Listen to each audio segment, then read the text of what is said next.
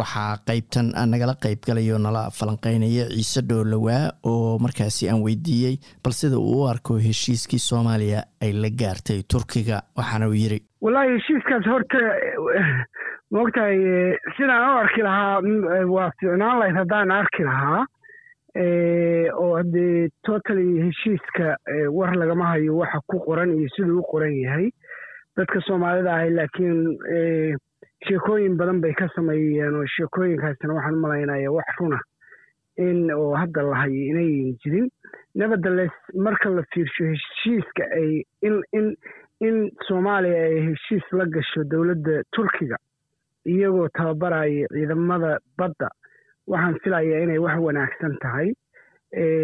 Dhinaca kale oo ku xiga oo labay ahayd dhinacan waxay ciidamada badda in la taageero dhinacana waxa weeye in dhaqaalaha blue seaga ama dhaqaalaha badda laga helo in iyadana ay ay wax hawl ka qabtaan waxna ku yeeshaan dhinaca kalena ay la diriraan burcadbadeeda iyo iyo iyo dadka halkaas sida sharci darrada uga kalluumaysanaya marka dhinac haddii laga fiirshana way fiican tahay dhinac haddii laga fiirshana.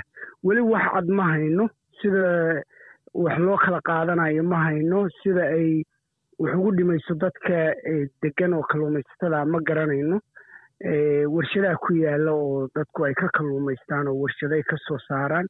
Iyada ruuxeeda war lagama hayo sida dadka ay wax ugu dhimayso iyo dhibaatada ay u geysan kardho heshiisku u geysan karo ama ciidamada u geysan karaan. Inta ay ka qaban karaan oo sababtoa ilaa kismaayo ras camboni ilaa jibuuti oo xeebta ah baa loo baahan yahay in la ilaaliyo. Marka sidee u ilaalinayaan baysas intee leeg bay samaynayaan qalab intee leeg bay keenayaan diyaarada miyay keenayaan military operationkuna waa wax qaaliya. Marka operation qaali ah baa la rabaa inay qabtaan dhaqaalahooda la leeyahay badda ka keena. Marka ma kalluumaysiga keliya ma badda muxuu aha macdanta ku jirday wax ka qaadanayaan ma batroolka iyo gaaska la rabo in laga baaro haddii wax laga helo bay wax ka qaadanayaan wax wara oo cad lagama hayo nevertheless waxaan is leeyahay in wax in in horey loo socdo. Waa gartay. waxaan is leeyahay arrinta ugu weyn oo heshiiskan dowladda soomaaliya hadda ay ula gashay turkiga inay tahay m o u dii somalilan iyo etoobiya ay saxiideen taas waxa ma ka tari kartaayoo ma ka hortegi kartaa in etoobiya ay saldhig military ka samaysato xeebaha soomaaliya? Waa haddii heshiiska ay ku jirto in soomaaliya badaheeda ay ka difaacdo waddamada kale oo ama ama dhulka ama badda raba inay isticmaalaan iyagoo aan heshiis kula ahayn dowladda federaalka ah. Marka waa haddii taasu ay ku jiro laakiin ma hubno innaga waxaan ognahay keliya inay tahay defense iyo economic. Defenska marka la leeyahay macnaheedu maaha inay waddankii difaacayso oo ay ka difaacayso waddan kale sababtaa ma hubno waxa ku qoran. Laakiin defensku macnihiisu waxa weeye in ciidan la training gareeyo la hubayo saraakiil la soo saaro laakiin waxaan is leeyahay haddii ay ku jirto dabcan waxbay ka taraysaa. Laakiin waxaan la hubin heshiiskan waxa ku qoran. Ilan barlamaankiina waa la horgeeyey laakiin lama oran karo waa la horgeeyey. Sharci weeye heshiis weeye la rabo in la la gudbiyo oo barlamaanku ka doodo barlamaankii kama doodin. Siduu sharci u yahay aniga ruuxayga shakiga shaki bay igaga jira sababtoo sharciyan waxay ahayd process inuu maro la keeno la akhriyo laga doodo second la akhriyo laga doodo upper houseka loo diro. Haddii isaguna uu si processka uu mari jiray uu maro. Marka waxaasoo dhan waa loo gooyey. Waa laysu keenay waa wada la fariisiyey waxaa la yidhi gacantaag duduubkaa lagu qaato. Sharciyan siday marka haddii haddii qof yidhaahdo high courtka soomaliyan geynaya oo sharci uu ka raadiyo waxaan is leeyahay waxaa soo bixi kara inayan sharci ahayn. Marka dhinaca dowladda etoobiyana dowladdan waxay la leedahay xiriir oo defense backed framework bay la galeen waktigay t b l dagaal kula jireen hubbay siiyeen ciidamaday training gareeyeen diyaarada daroonka loo yaqaano bay siiyeen hub bay ka gadeen muxuha loo isticmaalayo diyaaradaha. Waddan ay isku xiran yihiin weeye africa waddanka ugu badan oo ay laleeyihiin waxa weye trade partner ay laleeyihiin marka siyaasiyan markii la fiirsho bayan isugu dhacayn laakiin etoobiya hadday damaado inay inay soo gasho dee waxaanan garanayn inay inay inay intay qoray soo qaataan difaaci kara. Sababta heshiiskii baan la hubin waxa uu yahay. Waa garta haddaan kaa ka gudubno dhacdadii ka dhacday adisababa intii ay socotay intii uu socday shirkii midooda africa sidii loola dhaqmay wafdiga dowladda soomaalida gaar ahaan madaxweynaha. Sidee u aragtaa arintaas ama dhacdadaas? Wallaahi dhacdadaas dhacdo foolxun bay ahayd dhacdo foolxun oo uguba madaxweynaha sida loola loola dhaqmay iyo iyo waftigiisi la socday in waxaa ka sii daran in intii meeshii loo diido madaxweynaha jabuuti uu isagu baabuurkiisi ku soo qaado oo meeshii keeno oo meeshii misena muran ka dhaco oo waxa ka dhacay dhaqan xumo siyaasadeed ayaa meesha ka dhacday.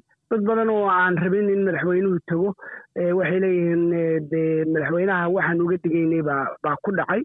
Dowladda etoobiya way isbedeshay siyaasiga haddeer prime ministerka ah nin waxa weeye sida qowlaysatadii u shaqaynaya ayay leeyihiin. Marka arrimahaasoo dhan markii laysku daro fadeexad baa ka dhacday. Awal waxaan lahaa ha aado anigu waxaan ahaa dad ka mid ahaa ha tago soomaaliya danteeda ha ka hadlo ha sheego.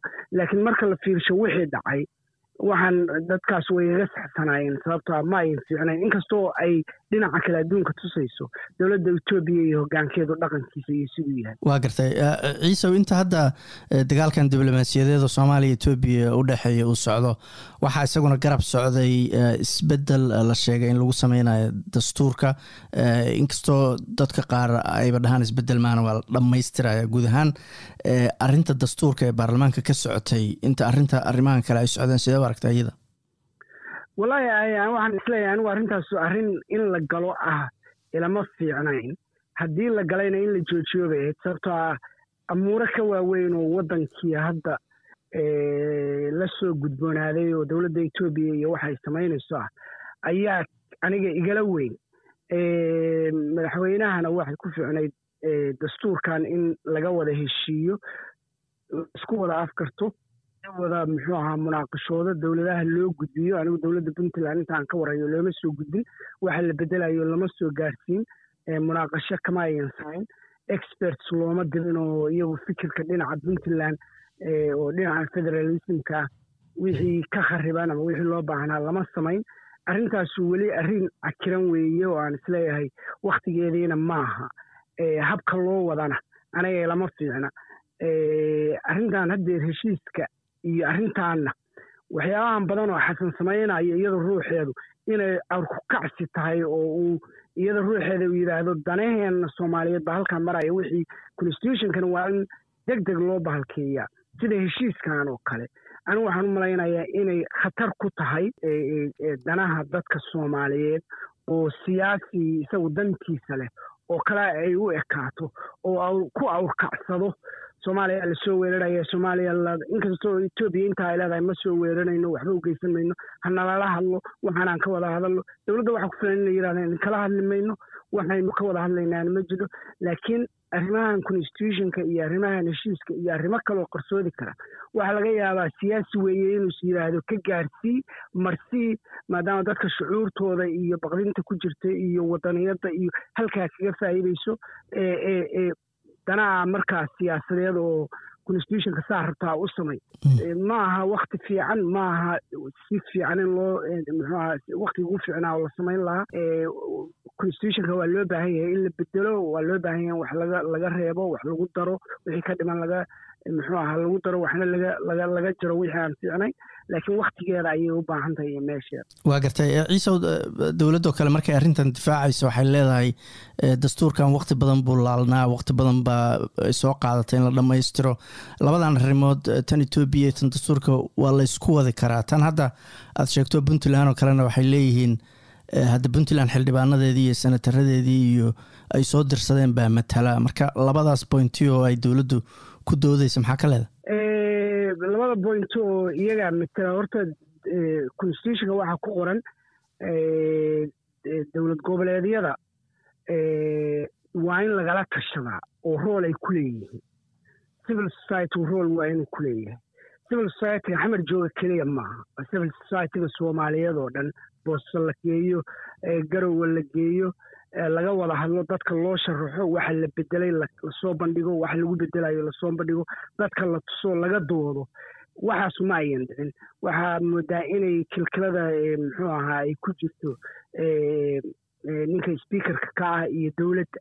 Waxaana rabaa waxaan hadday masiir umadee tahay in banaanka la keeno laga doodo la arko wixii khaldan oo ay arkaan khalad inay tahay u soo bandhigaan waxa ay ku bedelayeen u soo bandhigaan dowlad goboleedyada lagala tashado constitutionka ku taal.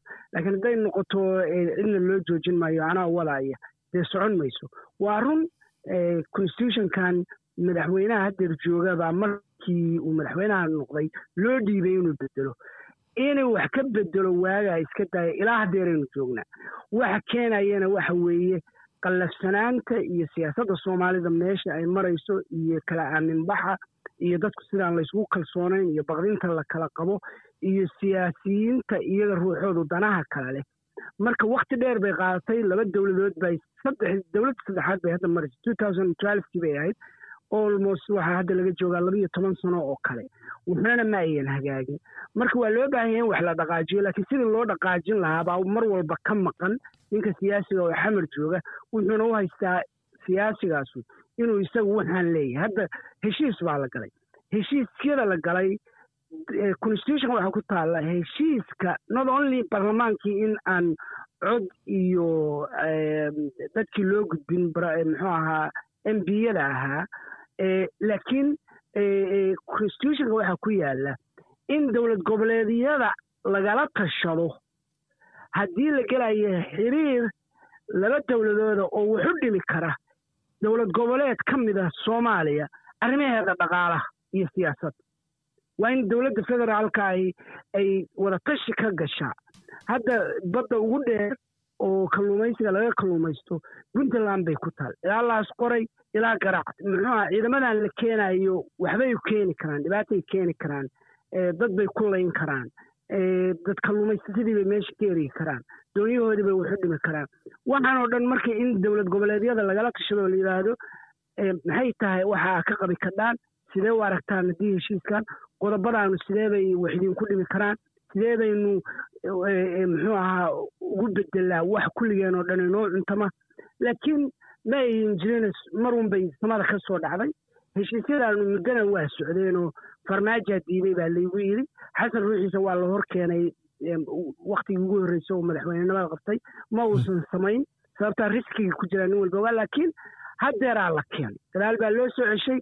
Xasanna wuxuu kaga faa'iidaystay sida aniga laygu yidhi shucuurta dadka soomaaliyeed iyo arrimahan etoobiya ayuu ku madayey markii hore wuu ogaa hadduu dabco inuu keeno in lagu qabsanayo oo lolanayo maxay samaynayaan maxay doonayaan maxaa oo si fiican loola xisaabtami karo.